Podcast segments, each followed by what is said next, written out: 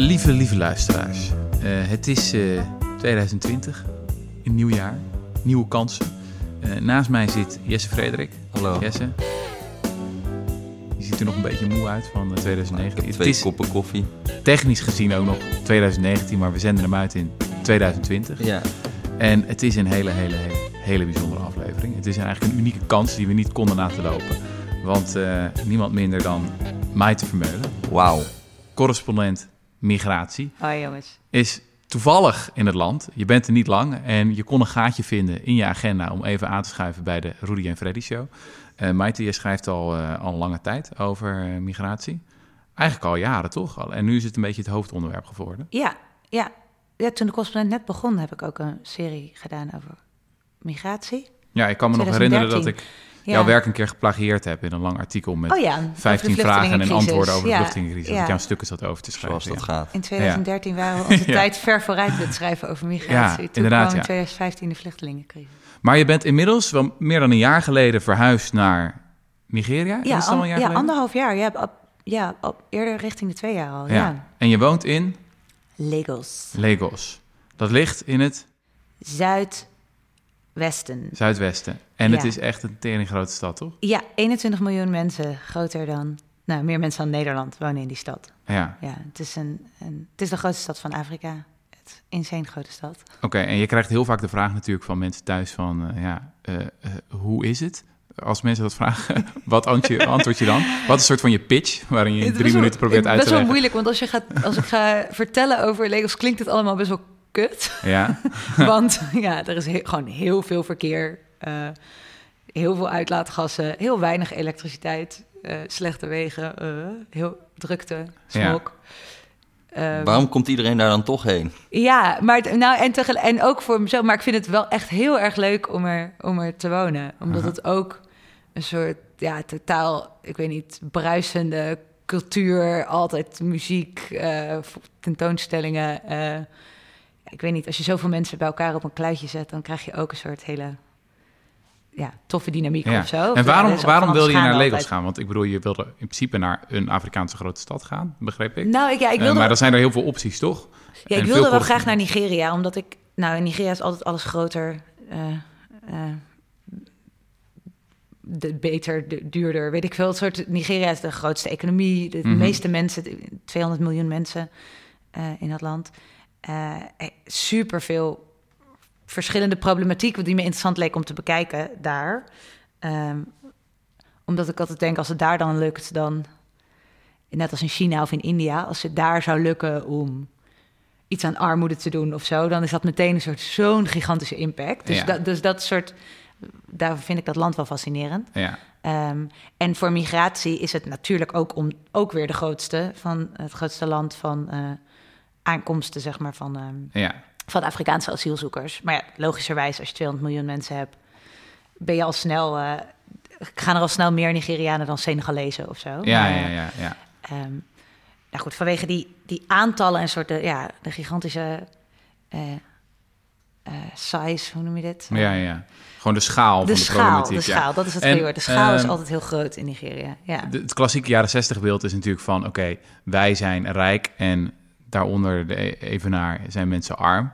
Dat klopt al lang niet meer zo. Je hebt, je hebt. Je hebt nog, wat is het, een eh, miljard mensen die in extreme armoede leven... maar je hebt vooral een hele grote groep mensen wereldwijd... die zitten er tu- tussenin. ja, Eh, Nigeria valt er ook onder, van echt zeker. een Nou, opkomend 50% land. van de bevolking leeft gewoon onder de armoedegrens. Dus Ja. het is gewoon ook een heel erg arm land. Eh, maar het is ook de rijk, ik bedoel, de rijkdom daar is ook gigantisch. En ja, de top 1% of zo gaat dan ook om heel veel mensen als je zo'n groot land hebt. Mhm. is, ik bedoel, daar de auto's, de huizen, de, weet je wel, de, de manier waarop mensen daar ook hun rijkdom tentoonspreiden. Het wordt heel vaak de, het wordt het Amerika van Afrika genoemd. En dat het- alles is heel erg schreeuwerig en groot en Ha. Er is weinig schaamte over. eh, totaal geen schaamte. Nee, totaal niet. Dus ehm, en daar zijn ja, mijn man en ik eh, heel arm hoor, vergeleken met, Ja. vergeleken met die top. Ah. En natuurlijk heel rijk vergeleken met de meeste Nigerianen. En waar zijn ze dan heel goed in eigenlijk? Wat is, wat is hun economie? Wat, wat zeg maar waar die... Nou, olie en gas natuurlijk, dat Ja. hebben ze heel veel. Ehm, maar ook met zo'n markt is het natuurlijk voor elke multinational super interessant. eh, Ja. om daar te ondernemen. Dus Heineken is gigantisch daar ook bijvoorbeeld. Nou ja, goed. De- De afzetmarkt is gigantisch. ja. En heb je na, na anderhalf jaar eh, het gevoel van ik ben een beetje gezetteld? Of heb Ja. je nog steeds voortdurend wat vakmomenten en voel je toch, eh, Nee, het went, in het, went wel, nee, het went best wel snel. Nou goed, natuurlijk ben je nog verbaasd over dingen. Ja. Maar er zijn heel veel dingen die, eh, die wennen. En ook de dingen die ik in het begin interessant vond, beginnen nu irritant te worden. Ja, ja. Nee, ik las laatst in je nieuwsbrief dat je 14 uur in een file had gestaan. ja. Ja. Maar wanneer was dat ooit interessant? ja, misschien dat ik het in de eerste week nog als een soort... Wow, Leuk, zo is dat hier. Wow, interesting. Mensen gaan gewoon slapen op de snelweg. Dit is nou een echt Maar- verkeersinfarct. Ja. Maar mensen gaan serieus slapen op de snelweg? Nou, het was gewoon... Nou ja, ja wat, wat ga je doen? Als je 14 uur... Het was gewoon midden... Het was gewoon 1 uur s'nachts. Het was donker. Er is geen straatverlichting. Ja. Maar ze Eh, hebben geen OV daar of zo? Of... Nou, het OV is busjes. Dus het OV staat daar ook in. Dus er is geen, inderdaad geen Metro. treinen, metro, nee. Want het is niet een hele uitgestrekte stad. Het is wel heel dicht De bevolkt. afstanden dus- zijn best wel kort. Ja, dus waar ik dan zo erg in de file stond, 14 uur. dat is dan wel naar, van Lagos naar een andere stad, Badagry. De afstand is 80 kilometer. Wow, dat is echt deprimerend. hey, en je bent de afgelopen maanden bezig geweest met een heel groot project rondom eh, migratie en vooral de Ja. besteding van Europees migratiegeld. Dat moet je even uitleggen, want dit is wel echt de categorie onderwerpen. Het gaat over gigantische bedragen. De belangen zijn immens. Het is een van de grote thema's van onze tijd. Maar je laat het woord Europa vallen en dan nog een paar afkortingen die erbij vallen, bij horen. En dan zeggen mensen, oh, ah, Ja, afhaker. Eh, ja, zo van, Ja, eh, afhaker. Nou, het dit wachtgeld van Klaas Dijkhoff, kunnen we het daarover hebben? Weet je wel? Europa Ja. plus, eh, plus Afrika. Plus dat is wel Afrika de, de ook nog dubbele. Ja, Ja. inderdaad. Ja. Ja. Nou, ik moet ook zeggen dat hoe dieper ik erin dook, hoe, dieper ik- hoe beter ik snap waarom het een afhaker is. Want het Ja. is ook gewoon zo ingewikkeld. Maar eh, ja, dat ik ook snap dat mensen er geen zin in hebben. ja. Eh, maar de- mijn vraag was eigenlijk best wel simpel. Want ik wilde weten eh, hoeveel geld er eigenlijk van Europa naar Nigeria gaat. ja. Voor migratiedoelen. Want als ik daar... Nou ja, de afgelopen anderhalf jaar zie ik daar allerlei projecten die betaald worden door Europa. Van, nou, kan zijn, weet ik veel. We geven trainingen aan eh, migranten die we zijn, hebben teruggevlogen, bijvoorbeeld. En dan Mhm. geven we ze wat startkapitaal om een bedrijfje te beginnen. Met het idee, dan gaan ze dus niet nog een keer proberen om te komen. Ehm, maar ook we trainen de Nigeriaanse douane, eh, geven we allemaal fancy computersystemen. Eh, we is dan de EU en Mhm. Europese landen. Ehm, maar het kan ook zijn, we doen eh, werkgelegenheidsprojecten voor, ja, wat dan in de migration speak potentiële migranten wordt genoemd. Mhm. Lees elke Nigeriaanse jongere, weet je Ja. wel. Mhm. Ehm, dus echt, dus ik zag allemaal van nou, dat soort projecten. En ik vroeg me eigenlijk af om hoeveel geld dat eigenlijk ging. Dat was de vraag. Dus op zich, nou ja, zou je denken... De vraag is betrekkelijk eenvoudig. Betrekkelijk En is- vraag. T- Kijk welke potjes het om gaat. Tel dat op. ehm, en je bent er. Maar En er is dat, ook sinds de soort van de vluchtelingencrisis, Ja. zoals dat dan wordt genoemd, van 2015 veel meer geld beschikbaar gekomen. Zeker, ja. Sinds toen is het eigenlijk echt geëxplodeerd. Zo tijdens die eh, vluchtelingencrisis was er een top tussen de Afrikaanse landen en Europa. Ja. Eh, dezelfde top waar de, Tur- de Turkije was daar ook bij. Het Turkije-deal is ook gesloten Mhm. op die top. Ehm, dus veel geld naar Turkije om, de, om daar vluchtelingen tegen te houden. Eh, en, eh, en toen is er ook een deal gesloten met Afrikaanse landen. ehm, om, nou, het, het frame is om de, om de grondoorzaken van die migratie aan te pakken. ja. Migratie en ontheemding, Ja. eh, moet ik erbij zeggen. Dus dat maakt het extra complex. Want het is dus ook ontheemden zijn mensen die eh, wel hun land hebben verlaten, hun grond hebben verlaten, maar niet hun land. Dus er zijn geen grenzen over gegaan. Mhm. Eh, en met ontheemding gaat het heel vaak om, om humanitaire crisis, om noodhulp. Dus mensen die voor Boko Haram op de vlucht zijn, mensen die eh, ja, klimaatvluchtelingen die niet meer van hun grond kunnen leven, ehm, mensen die, nou, spreken voor een aardbeving of wat, wat dan ook, voor Ja. terreur. Eh, dus dat gaat heel vaak om, eh, om echt een soort noodhulpsituaties. Ja. Mensen die niks meer hebben en waar, waar kampen voor moeten worden opgezet. Ehm, terwijl die migratie naar Europa natuurlijk vaak gaat over mensen die eigenlijk best wel wat hebben. Want een reis naar Europa is duur. Dus dat zijn niet Mhm. de armsten van de armsten die helemaal niks meer hebben en die we voedselhulp moeten geven. Ja. Ja, dan moet ik Eh, echt wel denken aan honderden dollars, toch? Van wat Zeker, ja. Ik denk eh, dat het iets in totaal iets van 1500 dollar is. Ja. Om, eh, Dus daar heb je echt een tijd lang voor zitten sparen. daar hebben mensen heel, heel lang voor gespaard vaak. Ja. Ja. Of, of de familie heeft allemaal ingelegd. Of ze hebben bijvoorbeeld grond of een huis verkocht.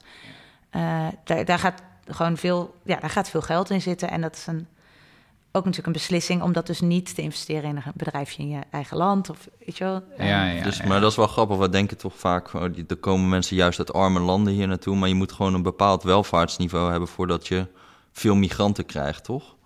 Dus Ja. je moet, Als- eigenlijk als die landen rijker worden, zou je meer migranten verwachten. Dat zie je ook. Ja, dat, dat heet de migration hump. Dus je, als landen wat rijker worden, gaat het aantal eh, migranten omhoog. Mhm. Eh, en, even dan vanaf daarvoor een bepaald welvaartsniveau, ik geloof, nou, hier moet je me niet op vastpinnen, maar ik geloof dat het rond de 10 dollar per dag zit of zo. Eh, dan, dan neemt dan het neemt weer het weer af. af, ja. Want Ja. dan vinden ze het alweer chill Dan, in vinden ze dan is er een dusdanige middenklasse. En ehm, ik, ja, ik heb heel vaak gedacht de afgelopen anderhalf jaar dat het met armoede heeft het niet zoveel te maken. Het heeft die beslissing om te gaan, maar het heeft vooral te maken met of je, of je het gevoel, ge- een soort gevoel van macht over je leven hebt. Of, Hm. zo. of je het gevoel hebt dat je iets zou kunnen veranderen aan je toekomst. Hm. En dat zit deels natuurlijk in of je de middelen hebt om iets te veranderen, maar het zit ook in bijvoorbeeld elektriciteitsvoorziening. Of als je weet dat je wat je investeert in je bedrijfje, dat je waarschijnlijk geen winst gaat maken, want als er geen elektriciteit is, kun je je bedrijfje niet runnen. Dus de helft van de tijd kun je je bedrijfje niet runnen. En voordat je hebt gespaard voor een generator en daar benzine in stopt, ben je al je winst weer kwijt. Ja.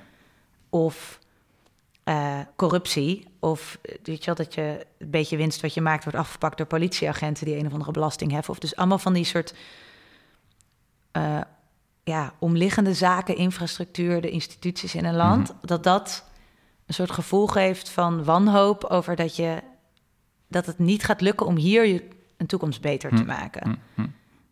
Maar het is wel echt fascinerend dat het hele frame van economische vluchteling, tenminste zoals ik het altijd begrepen, is van Ja. ja, mensen vluchten voor armoede en zo. Ja, En dan ga je als nou ja, Europese Unie bijvoorbeeld investeren in een land, zodat je hoopt dat het zich beter ontwikkelt. En voor hetzelfde geld zou dat meer migranten Zeker, kunnen die opleveren. theorie, daar klopt dus geen zak van. Dat is ook een van de grote kritieken van echt elke expert op dit gebied... eh, op wat de EU nu doet op het gebied van migratie eh, in Afrika. Ja, Dat het suggereert dat als we kansen creëren voor jongeren daar... dat ze die kansen dan gebruiken om in hun eigen land een leven op te bouwen... Eh, terwijl het meeste wetenschappelijk bewijs laat zien dat wat ze waarschijnlijk zullen doen met dat beetje geld wat ze dan verdiend hebben, is heel iets anders. ja, ja. ja. Ehm, Ja. Goed, dit, dit is heel generaliserend natuurlijk, want Ja. dat hoeft echt niet voor iedereen zo te gelden. Maar ehm, het idee dat wij daar met, nou, het idee dat ontwikkeling migratie gaat stoppen, dat is ja. Dat Wat is niet wil zeggen dat je niet aan ontwikkeling moet doen. absoluut niet. Het kan zeker een heel goed doel op zich zijn. Ja. Absoluut. Eh, daar ben ik ook absoluut niet tegen. Maar je krijgt wel een hele rare kronkel in je ontwikkelingshulpprogramma's. Mhm. Op het moment dat het doel niet is het land ontwikkelen of minder armoede, maar het doel is minder migratie. Want hoe ga je dat, hoe ga je dat dan meten? We hebben in dat onderzoek eh, programma, zijn we programma's tegengekomen waar dan de, ehm, hoe noem je dat, de key performance indicators, zeg maar, waar je, waar je aan moet toetsen. Dus eh, Ja. wat, het doel, wat het doel is van het programma, wat het programma moet halen om een goede evaluatie te krijgen. Mhm. En dan is de nummer één doel is minder Nigerianen die aankomen in Europa. Voor een programma wat werkgelegenheid in Nigeria moet creëren. Ja. Maar hoe meet je nou dat die 2000 mannen die je Ja, dan dat- een baan hebt gegeven, of vrouwen, eh, Maar gaan dat ze dat, dat in dan de heeft geleid meten? tot. Nou, dat kan natuurlijk niet. Nee. Dus natuurlijk kun je nooit oorzaak en gevolg aan verbinden. Ehm, nee, dus dat is totaal onzinnig. Ja. Maar het gaat natuurlijk wel bepalen in welke gebieden je dan bijvoorbeeld je programma's gaat opzetten. Want migratie is ook heel erg gerelateerd aan, eh, welke, aan sociale netwerken. En, eh, Want jij hebt ook wel eens zo'n artikel geschreven over één stad waar Ja. de meeste migranten vandaan kwamen. ja? Benin City, eh, Edo State. Eh, ja, gewoon een relatief, ja, relatief kleine standaard. Het is de, weet ik veel, de vierde stad van Nigeria of zo. Maar hoe- heeft- hoeveel miljoen mensen hebben ze dan? Nou, 4 miljoen of zo. Niet, eh, niet- Oh ja. Het is een miljoenenstad, maar het is niet... Ja, precies. Nee, Voor daar relatief Ja. klein. Klein grut. Ja. En, eh, ja, en daar, daar iedereen heeft daar familie in Europa. Ehm, Dat is echt ongelooflijk. Ja, hoe, is- kan, ja. hoe kan dat dan? Wat is de verklaring? Nou, ja, als je. Je hebt een. Je kan niet zomaar bedenken, ik ga naar Europa. Eh, je, hebt, je hebt nodig dat je iemand kent die weet hoe die. naar wie je moet Ah, gaan. Je moet, je moet een, een soort travel agent hebben die gaat regelen. Oké, eh, ik, ga, ik ga voor jou de bus regelen naar Agadez en dan in, in Niger. En dan in Agadez wacht een vriend van mij jou op. En die brengt je dan even naar huis. En dan als de tijd rijp is, dan regelt die het vervoer door de Sahara. En dan in de Sahara en dan in Libië word je opgewacht door. Weet je wel, dus, eh, Dus er is er een lokaal cluster nodig. van de migratieindustrie eigenlijk. Ja, Dus- dat zijn, dat, dat, ja, dat zijn mensensmokkelaars of handelaars, als die mensen niet verplicht, eh, niet, niet vrijwillig gaan. Mhm. Eh, maar die mensensmokkelaars, die moet je, die, die dus zij niet mensensmokkelaars noemen overigens, maar gewoon reisagenten of zo. Ja, ja, die moet, die moet je kennen. Dus, en, en dat is heel vaak, dat is natuurlijk ook op basis van vertrouwen. En dat zijn dus heel vaak, is het familie die dat regelt. Dus Mhm. eh, de, de zus die al in Italië is, die regelt dan de reis voor haar neefjes of zo. Ja. Dus het is, eh, ja, er is ook een wetenschappelijke theorie over de cumulative migration theory of zo. Dat voor elke migrant uit een gemeenschap groeit het aantal mensen in die gemeenschap die ja. ook kan gaan. een soort vermenigvuldiger gewoon. ja, Ja, precies, een soort besmettelijk. exponentiële groei. Ja, het grijpt om zich heen. En op een gegeven moment... Ja, Ja. En, en op een gegeven moment is dan bekend... oh, je moet in Benin City zijn als je mensensmokkelaar wil vinden. Dus dan komen er ook uit andere Ja, delen ja, van het land... als je wil ja. gaan, ga je daarheen. Ja. En uit, dan komen ja. er mensen aan uit- in Europa... en die vertellen dan allemaal mooie verhalen. Van het is hier geweldig. Ja, Of ze laten niks horen en dat wordt dan geïnterpreteerd als... Ze, ze willen de rijkdom voor zichzelf houden... Oh, ja, en niet ja. als ze zullen het daar wel heel Terwijl ze moeilijk eigenlijk hebben. uitgebuit worden in een of ander verschrikkelijk Precies, terwijl ze een heel moeilijk leven hebben. Zelfs als er wordt... Ik ben echt veel mensen tegengekomen die, als ik dan vraag... wat zegt jouw broer of zus in Europa dan over hoe dat daar dan is? Eh, want laten we Nigerianen krijgen heel vaak geen asiel. Hè? Dus, Mhm. dus als je daar blijft, is dat heel vaak in de illegaliteit. Eh, Ja, want ze krijgen geen asiel, want ze zijn geen Want ze zijn geen vluchtelingen. hebben daar een volgens van onze eigenlijk regels. hoeveel Nigerianen... ja, de afwijzing ligt rond de 95 procent. Maar ik bedoel, hoeveel wonen er in, eh, in eh, Europa? Hoeveel dat is dus dat onbekend is omdat dus, het illegaal Dat is is. onbekend omdat ze niet in de... Ja, Ja, ja, omdat ze geen papieren hebben. Ehm, maar ja, dat zijn er veel. En in Italië, ja, Verenigd Koninkrijk en Italië heeft de grootste Nigeriaanse gemeenschappen.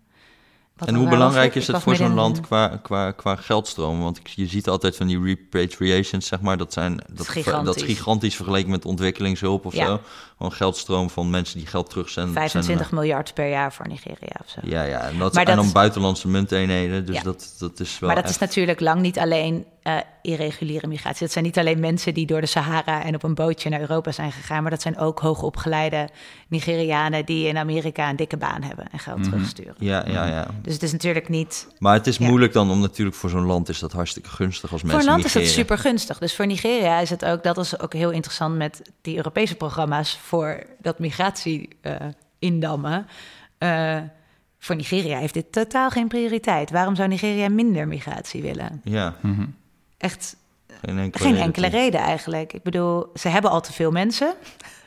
Ja. Gaan er een paar weg en die sturen best wel veel geld terug. Nou, het, Ja. is het argument van wat ze brain drain noemen? Ik bedoel, de Ja, mensen die dat gaan, dat zijn toch wel echt de ondernemende types. Zeker, met dat is een centen. probleem. Je, je bent jong en je wilt wat. Ja. Lijkt, me, mij- lijkt me dat je juist die mensen wil houden. Zeker, dat is inderdaad wel echt, dat is problematisch. En ook als je kijkt naar bijvoorbeeld Canada, die dan wel, ehm, dat vind ik wel een soort voorbeeld voor hoe je ook eh, meer eh, ja, legale migratie zou kunnen organiseren. Dus meer tijdelijke werkvisa, zodat mensen niet op een bootje op de Middellandse Zee hoeven te gaan, maar gewoon zich kunnen aanmelden om te komen Mhm. werken. Die hebben dan zo'n heel puntensysteem en bepaalde beroepen willen zij dan. En ehm, Mhm. eh, je maakt meer kans als je een gezin hebt dan als je een alleenstaande man bent, et cetera. Ehm, maar ja, als, als Canada allemaal eh, nurses nodig heeft, allemaal verpleegsters nodig heeft, Mhm. ja, die heeft Nigeria ook nodig natuurlijk. Ja.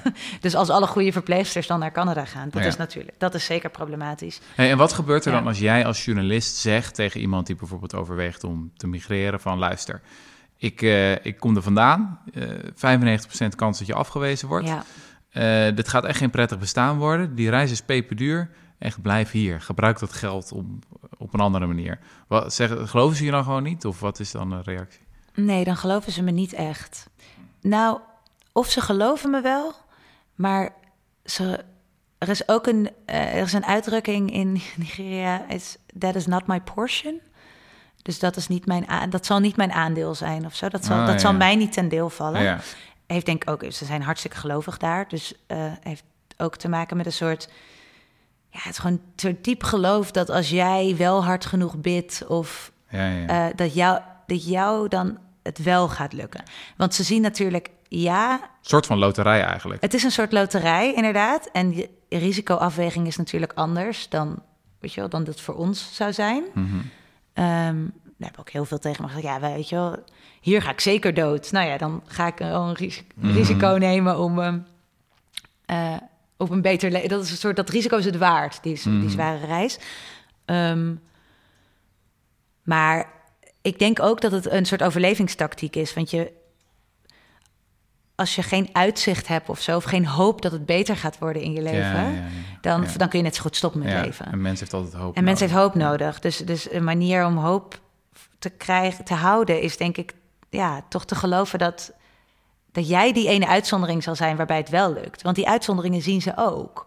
Ze zien ook mensen die terugkomen en die rijk zijn. Huh. En ze zien ook mensen die, ondanks dat ze misschien heel erg lijden in Europa, bijvoorbeeld zeker vrouwen die verhandeld worden en in de prostitutie in Europa werken, dat is verschrikkelijke uitbuiting, maar die vrouwen sturen wel geld terug en die familie bouwt een huis.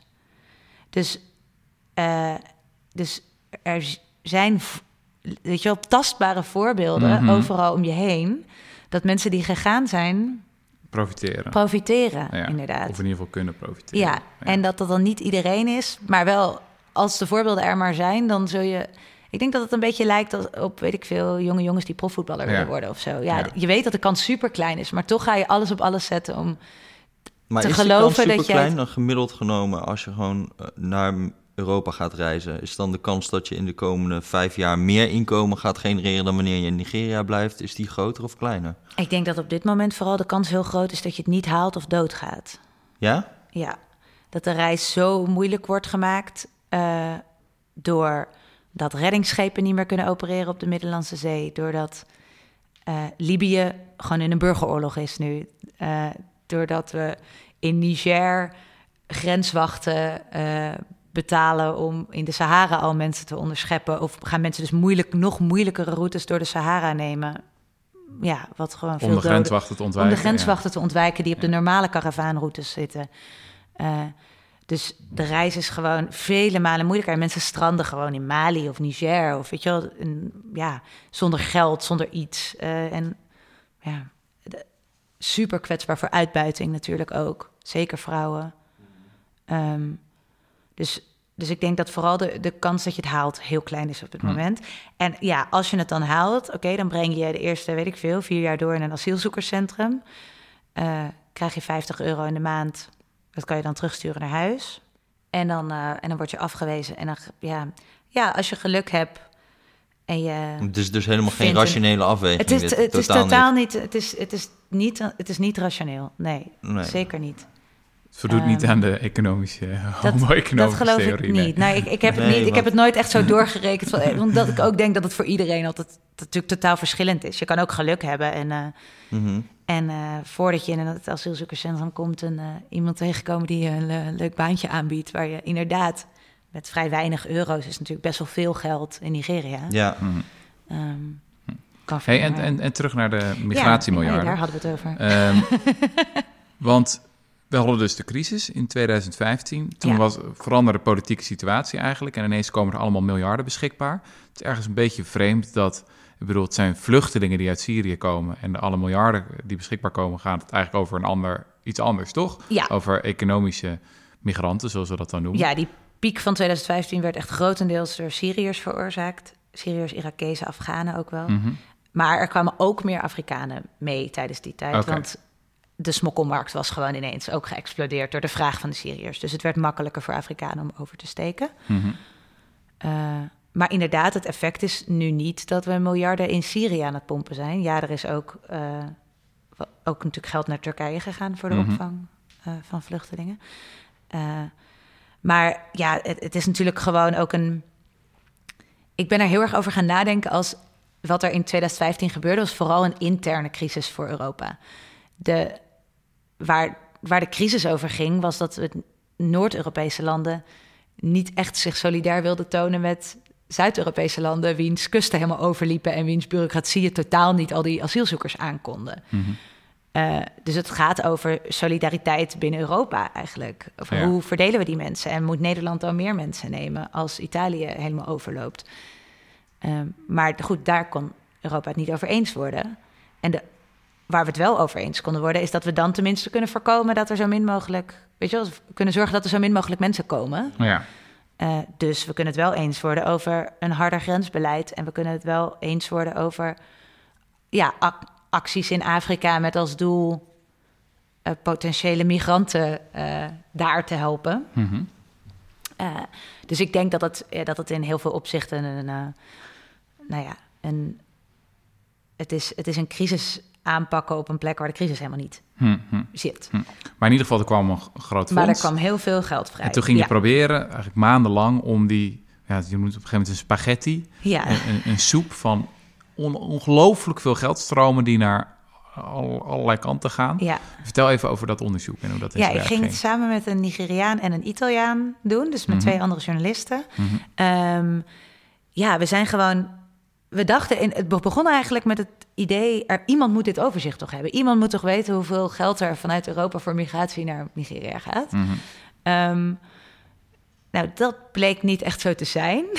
Ehm, en of die stond misschien niet te springen om die overzichten te delen. Maar ehm, we zijn gewoon heel veel gaan, eh, gaan van allerlei kanten gaan rondbellen, vragen naar lijsten van eh, geldstromen, lijsten Mhm. van projecten. Ehm, vanuit Europa bezien, we hebben het denk ik eerst vooral geprobeerd vanuit de Europese kant, zeg maar, om te bekijken, kunnen we erachter komen, als we kijken naar alle EU-potjes, hoeveel geld daarvan dan op migratie naar, Mig- naar Nigeria gaat.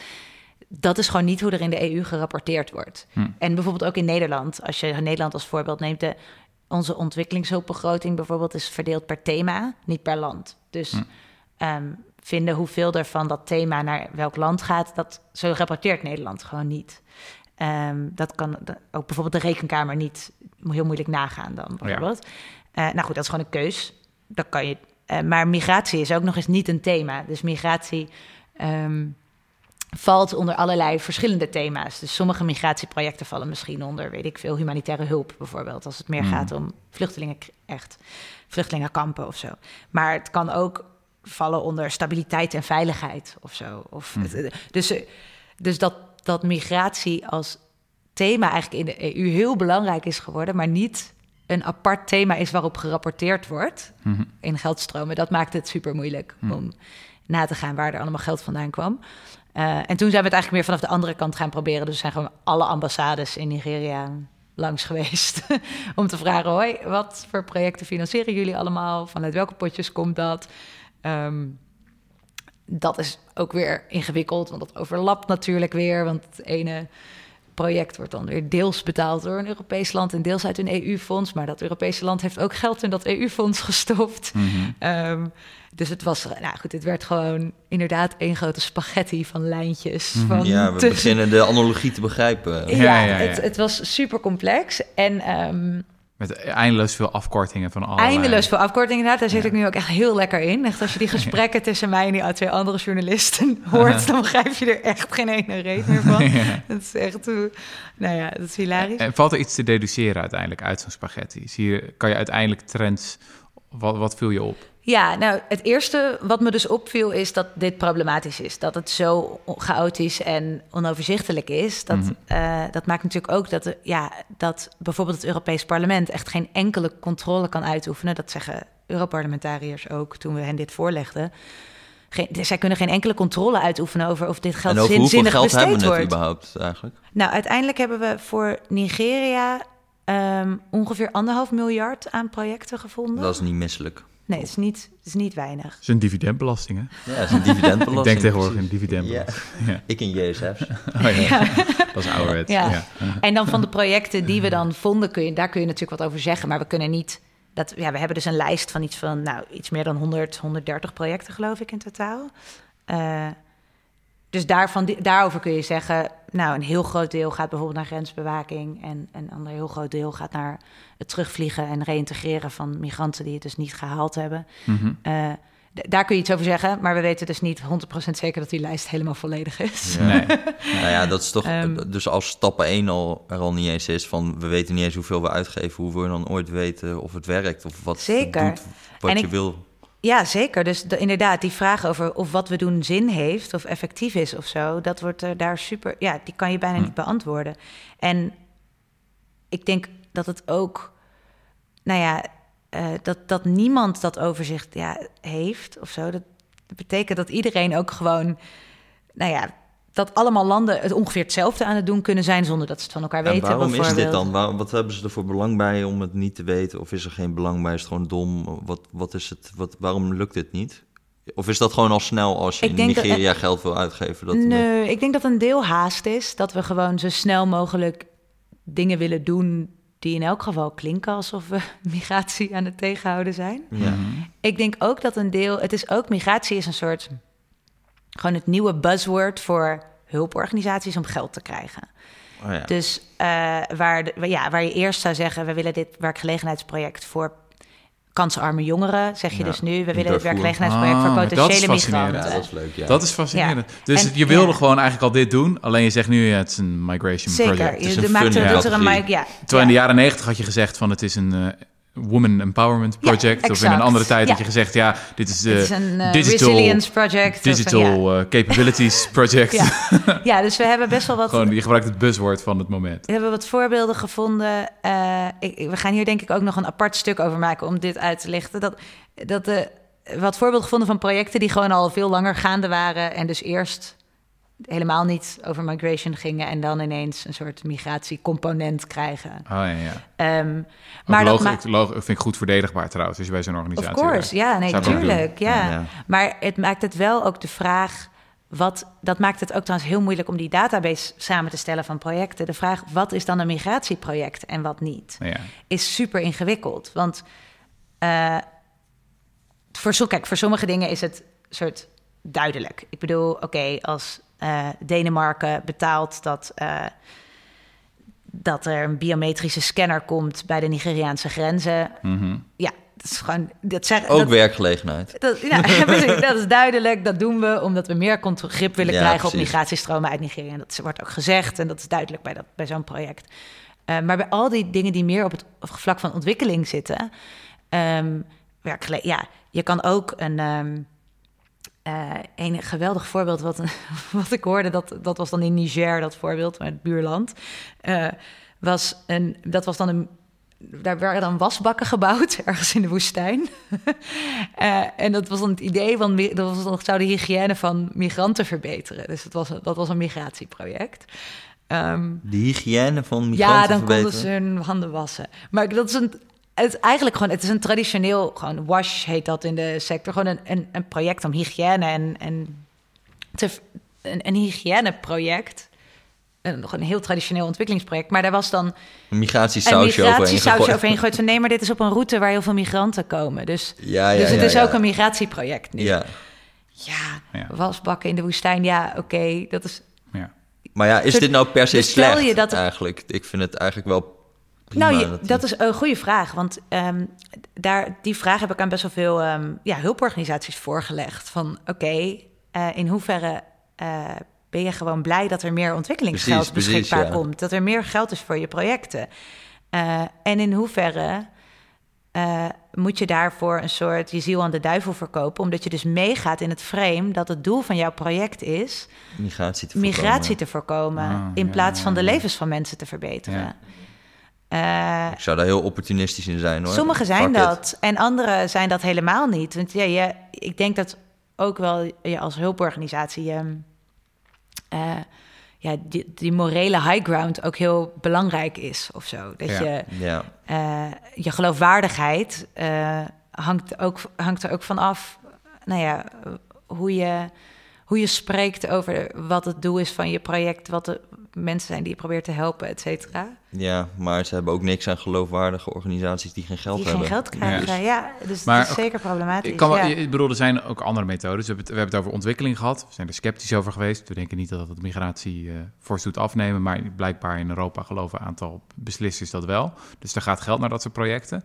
Ehm, maar kan je ook iets zeggen over de verhouding? Want ik bedoel, je kan ook heel veel andere dingen doen. Je kan, weet ik veel, propaganda doen onder de eh, jongeren in Lagos. En allemaal verschrikkelijke beelden zien van ja, mensen ook. die in Amsterdam wonen. En, eh, Ja, dat heeft dus in geen enkele zin. immorele Ja, toestanden leven of elk zo. onderzoek zien dat dat sowieso weggegooid geld is. Ja, werkt dat niet? Bewustwordingscampagnes gaat, gaat niet relatief het grootste deel heen hoor. Dat is een relatief klein deel, maar eh, gaat zeker ook, gaan ook miljoenen naartoe. En het werkt wer- niet? Of werkt het zelfs... voor geen meter? Averechts zou ik niet zeggen, maar niemand neemt die informatie gewoon serieus. Zeker als er gewoon een stempel van de EU op staat, dan zegt elke, elke potentiële migrant tussen aanhalingstekentjes, ja, haha, natuurlijk, wij weten ook wel dat ze, niet willen dat we komen. Ja, ja, ja. Ja, wat, wa- hoe, hoezo zou deze informatie nou geloofwaardig voor Ja, ons ja, zijn? ja. Moeten we eigenlijk het Nee. omgekeerde doen van kom, het is hier geweldig. Ja, precies. Ik zeg altijd, recl- reclame Dat werkt. zou wel een mindfuck zijn, inderdaad. Zo kijken hoe het dan, dan gereageerd. Nee, echt. Elk dus dat werkt niet. En dan, dan heb je zien dat dat niet werkt. daarnaast nog de hardere aanpak. Inderdaad, je had het over Ja, de biometrische scans, ja. grensbewaking. Trainen van Kunnen we daar iets over zeggen van gewoon het moeilijker maken van routes? Je bedoel, je hebt er eerder Ja. onderzoek naar gedaan, ook in de context van de Syrische eh vluchtelingencrisis. Ja. Eh, toen ook routes werden afgesloten, maar dat je ook heel veel vaak een waterbed-effect ziet. Van Ja, dan gaan ze niet meer via die route, maar via een andere route. ja, kan je daar iets over zeggen van wat het gevolg daarvan is? ja ik, geloof, ik geloof niet dat minder mensen zullen vertrekken, maar dat is iets wat je niet kunt meten. Je ja. kan niet meten hoeveel mensen er vertrekken, maar je kan wel meten hoeveel mensen er aankomen. Dus dat de aankomsten zijn gedaald, hard, sinds 2015. Natuurlijk ook als je zo'n grote piek hebt, is al snel hard. Maar nog steeds, aankomsten neemt af. Dat is Ook de- uit Afrikaanse landen. ook uit Afrikaanse Ja. landen. Dat is de eh, meest geweldige maatstaf voor Europese politici natuurlijk... om te soort bewijzen aan te voeren Ja, voor dat, hun, het werkt. dat het werkt wat we doen. Ja. En eh, een groot onderdeel daarvan is, is routes moeilijker maken... zodat het gewoon moeilijker is voor mensen om aan te komen.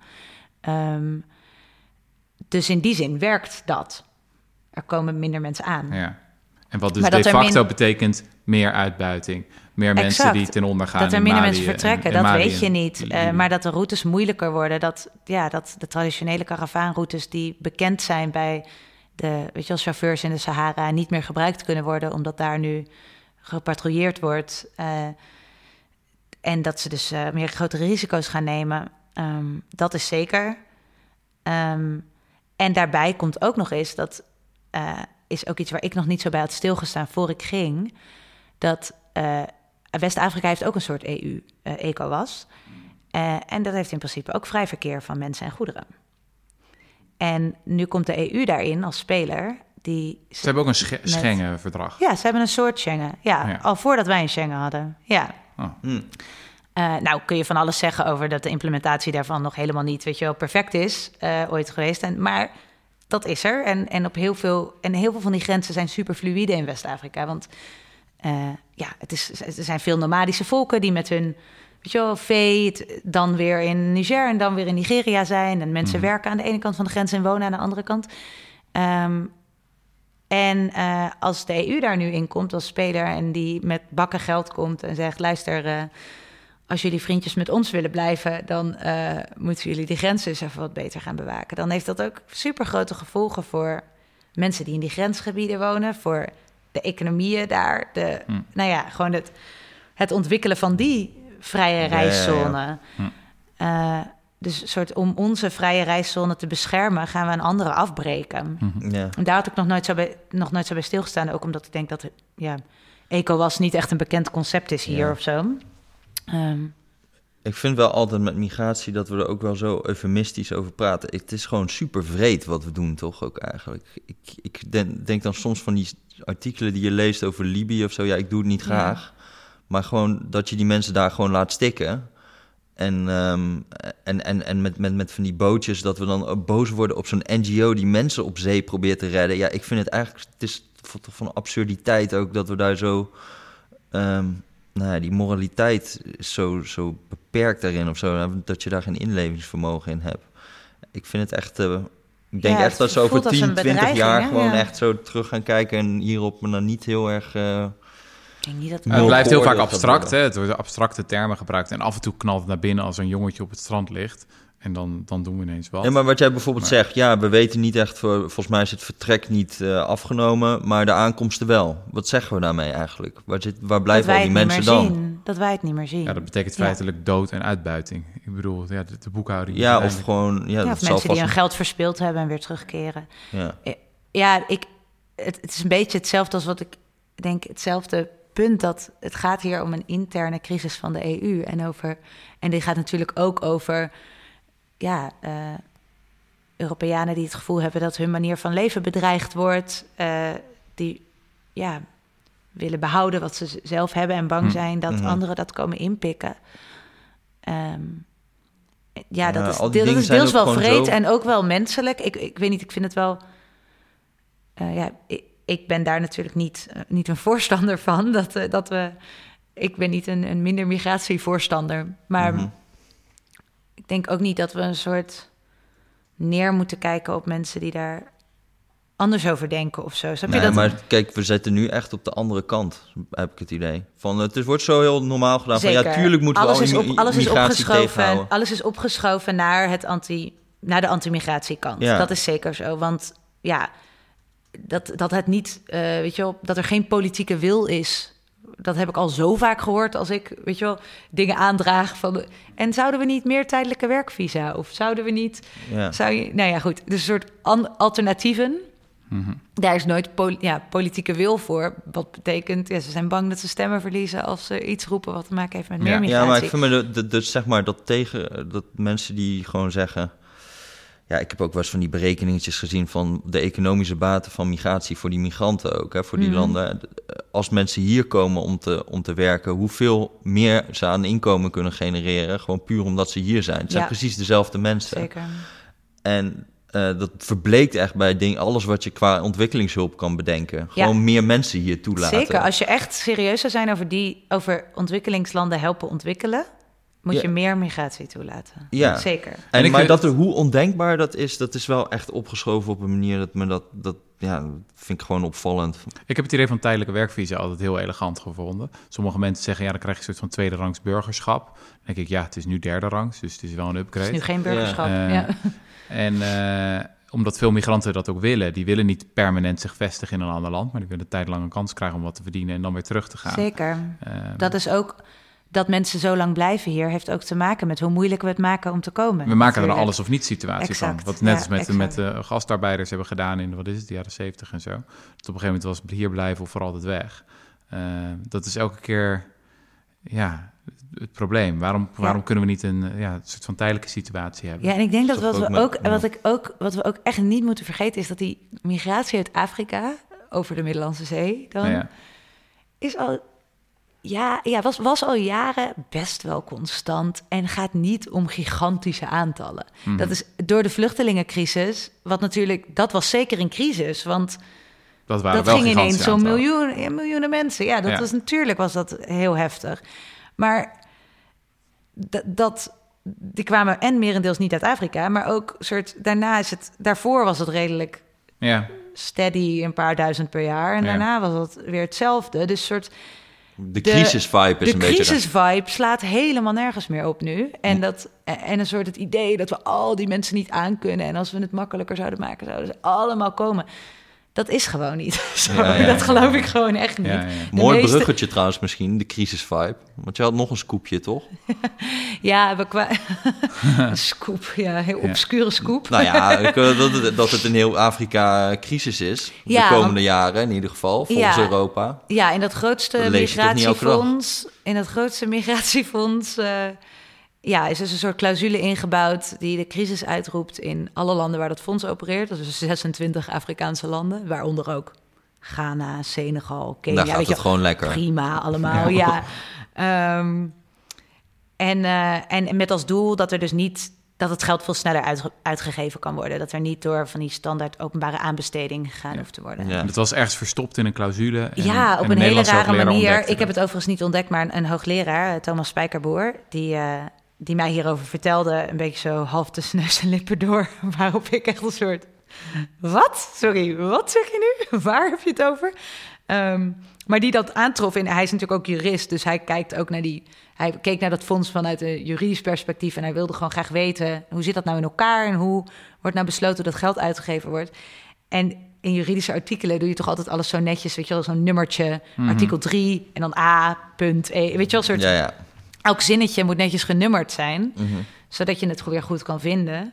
En dit was dan een artikel met vier ongenummerde zinnen, dus heel moeilijk te zien waar dat artikel over gaat. Ja. Ongerelateerde zinnen, waarvan dus de derde zin is, oh by the by, er is een crisissituatie in alle landen waar dit fonds opereert. Ja. Eh, dus we hoeven geen niet openbaar aan te besteden. Ja, want er zijn normale aanbestedingsregels voor de Europese Unie. Ja. Aanbesteding betekent, jongens, we willen dit project gaan doen. Verschillende partijen kunnen Teken zich dan in. inschrijven. Ja. Van, eh, ja, ik wil dat wel doen. Maar de EU had daar in dit geval geen zin in. Want ze wilden gewoon eigenlijk gewoon re- rechtstreeks Vlammen. kunnen handelen. Ik had ergens een beetje het gevoel en van... soms kan dat, ik soms kan dat goed zijn. misschien hè? ook nog wel een beetje. Ja, nee, Want voor aanbesteding, sommigen, ja, ik ben geen aanbesteding-fan eerlijk gezegd. Als je ziet wat de gigantische bureaucratie daaromheen is. Dat we ons best doen om markten te creëren waar die er eigenlijk niet zijn. Ik denk ook dat voor eh, dat fonds is best wel eh, dat fonds, nee, dat is eigenlijk heel typisch voor migratiefinanciering wat er uit dat fonds betaald wordt. Mhm. Want er worden, wordt voedselhulp voor, eh, weet je wel, mensen die op de vlucht zijn voor Boko Haram uitbetaald, Mhm. maar er wordt ook een grensbewakingssysteem uitbetaald. Oh ja. Dus ehm, tuurlijk, voor sommige van die projecten kun je zeker zeggen voedselhulp bijvoorbeeld. Ja. hartstikke goed idee om daar niet voor aan te besteden. En dat is ook de reden dat je dan zo'n nood... Want dit is ook een, het is ook een noodfonds, een trust fund. Mhm. Dat zit buiten de eh, controle. Dat valt dan direct onder de Europese Commissie. Beetje technisch, maar wil zeggen... het valt niet meer onder het budget. Dus het Europees Parlement heeft geen zeggenschap meer... of geen controle meer op dat geld. Mhm. En ehm, dat doe je soms omdat je snel in noodsituaties wil kunnen handelen. Mhm. Eh, maar dat je in Ghana douaniers gaat trainen om eh betere de, de tekenen van mensenhandel te leren kennen of zo. Mhm. Er is natuurlijk geen enkele reden voor waarom daar niet gewoon een, Aanbesteed aanbesteding aan gedaan kan worden. Zodat, Ja, en waren zodat toch ook- kleinere organisaties, zodat Afrikaanse organisaties, zodat, gewoon, zodat er een eerlijke competitie kan zijn over wie dat project uitvoert. Mm. Mhm. En nu zie je dat dat geld dus eh, voor het leeuwendeel naar eh, ja, uitvoerders gaat die wat de EU zelf is. Dus Ja. de ontwikkelingsagentschappen van de EU of VN-organisaties. Ja. Eh, ja, de- dus je krijgt een soort, nou, die, de Thomas Spijkerboer, die professor, noemt het een, een kartel. Je krijgt kartelvorming. Ja, ja, ja, Dit is waarom je openbare aanbesteding hebt om dat te voorkomen. Ehm, en ja, dat gebeurt nu niet. Ik, ik wil graag, en dan gaan we richting het slot, wil ik even inzoomen op het feit dat je het net een scoopje noemde. Ik, vind, ik bedoel, stel je voor dat we een soort van een scoop zouden hebben van eh, ja, 26 eh, steden in, eh, weet ik veel, Noordoost-Nederland. Die hebben de, daar hebben we de crisissituatie uitgeroepen en daarom kunnen we, hoeven we niet meer aan te besteden. Nou, dat zou wel een gigascoop zijn. Ja, dat is waar. Heel vaak, ik bedoel, dit gaat over gigantische bedragen. De thematiek waar je over schrijft gaat over, over dood, over uitbuiting. Er kan niet meer op het spel staan. Maar toch is het in jouw tak van sport vaak zo van... Nou ja, eh, eh, eh, wat, waar gaat het ook alweer over? Nou, wachtgeld? Dijkhof? Weet je wel? Dus het is zo moeilijk Ja. om, om mensen erbij te pakken. Hoe ga je daarmee om als, als journalist? Ah, Goeie vraag. Ja, is, dat is wel mijn daily struggle om te bedenken hoe ik mensen hiervoor interesseer. Ja, De- deels ook weer denk ik dat als er dan een onderwerp is waar mensen you know, weet je, over Afrika willen lezen, dan is dit het wel, omdat de link met ons direct duidelijk is. Dus Ja. ik kan. jij bent eigenlijk doet hetzelfde als die hulporganisaties. Ja, precies. Ik kan- het gooien, migratiesatie eroverheen. migratie. Ja, ja, ja. Nee, maar en niet alleen migratie, maar ook ik kan ja, zoveel miljard van ons geld staat er op het spel. Dus Ja. ehm, Dat vind ik juist ook wel soms een beetje jammer hoor. Als ik dat dan, als ik in stukken lees, dan denk ik ja. moet dat nou? Of ja zo is het anders en, niet en ook, interessant. ook juist omdat het daardoor een soort van toch al ja, een beetje meegaat in dat frame van dat hele migratie. Ja, dat, ja, dat is wel echt een moeilijke spanning tussen, men, ja, tussen in, ja, mensen interesseren voor toch wat ook gewoon een ver van hun bedshow is. Mhm. En, eh, en niet meedoen aan het, eh, het exotisch maken ervan. Of het, ja, het is, het is best, het is best wel Hmm. moeilijk. Ik, ik moet zeggen dat ik het ehm, wel heel, dat was wel een voordeel van samenwerken dan met een Nigeriaan en een Italiaan. Dat we eh, in, het, in de gesprekken erover wel konden proberen. Als we zeg maar, als wij allemaal aanslaan op iets, Mhm. dan is dat meestal wel de kern. Hm. zeg maar. Mhm. Dus om een beetje te voorkomen dat het alleen maar een soort eh, mijn Nederlandse perspectief, dat het alleen dan voor Nederlanders interessant Ja, is. ja, Weet je wel? Dus ja. Ehm, dat, dat, dat, dat was voor dit project wel interessant om te kijken waar worden we allemaal vet verbaasd over. Hey, je stapt straks weer in het vliegtuig.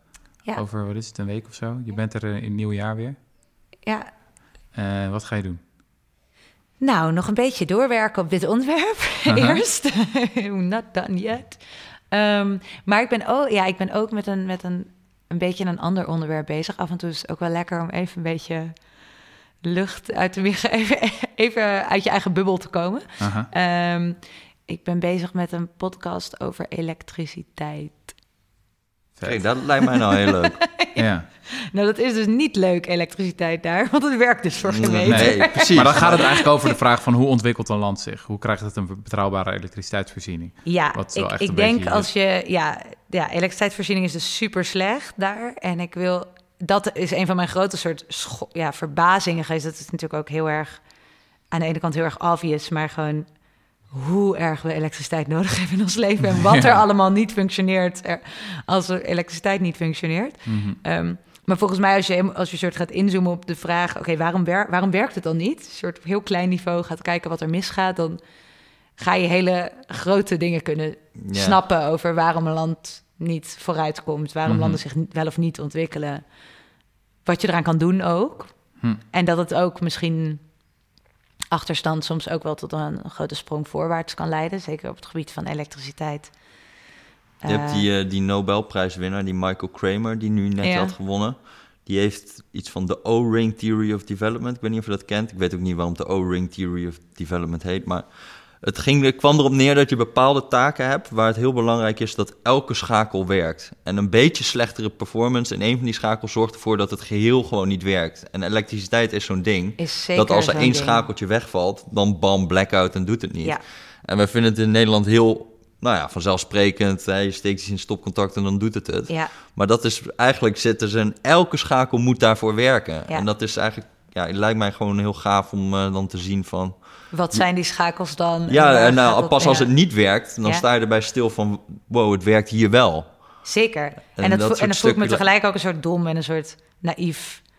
Nou, dat is wel... eh, ja. Maar dan sta je stil ja, bij het water waarin wij ja. zwemmen, weet Ja. je wel. Wij Ja. vinden het gewoon zo, net zoals vervoer. Waarom sta je 14 uur in de file? Ik vind dat soort stukken vind ik eigenlijk ook fascinerend, Ja. omdat ze ook licht werpen op hoe wij hier leven en dat wij dat niet hebben. Ja, Precies, ja. Maar wij snappen toch geen klap van dit land. Nee, nee, dat Ik klopt. bedoel, Nee, er ja, gebeuren- gaan zeker, ja. zoveel dingen zo waanzinnig goed. En we hebben geen flauw idee eigenlijk waarom. Daarom moet je naar Nigeria om te leren hoe Nederland werkt. ja. Dat vind ik schitterende slotwoorden, Jesse Frederik. Eh Maite, dank voor je komst. ja dank jullie wel. Leuk. Eh, succes. Eh, we doen weer een nieuwe podcast. Als je weer terug bent, wanneer ben je er Yes. weer? ik weet het nog niet precies. Een halfjaartje of zo, Oké. ik weet het niet. Nou, maar we gaan het over elektriciteit hebben. Ja. Ja, gaaf. Ja, leuk. Eh, wij Dat zeggen toeledokies. Doei. Oh, hé, hey, wacht. Wat? Je kan nog eh, je kan voice memo's achterlaten bij Ja, dat ons. zeggen we steeds, maar we doen er niks mee. Oh ja, kut. Nou, dan niet.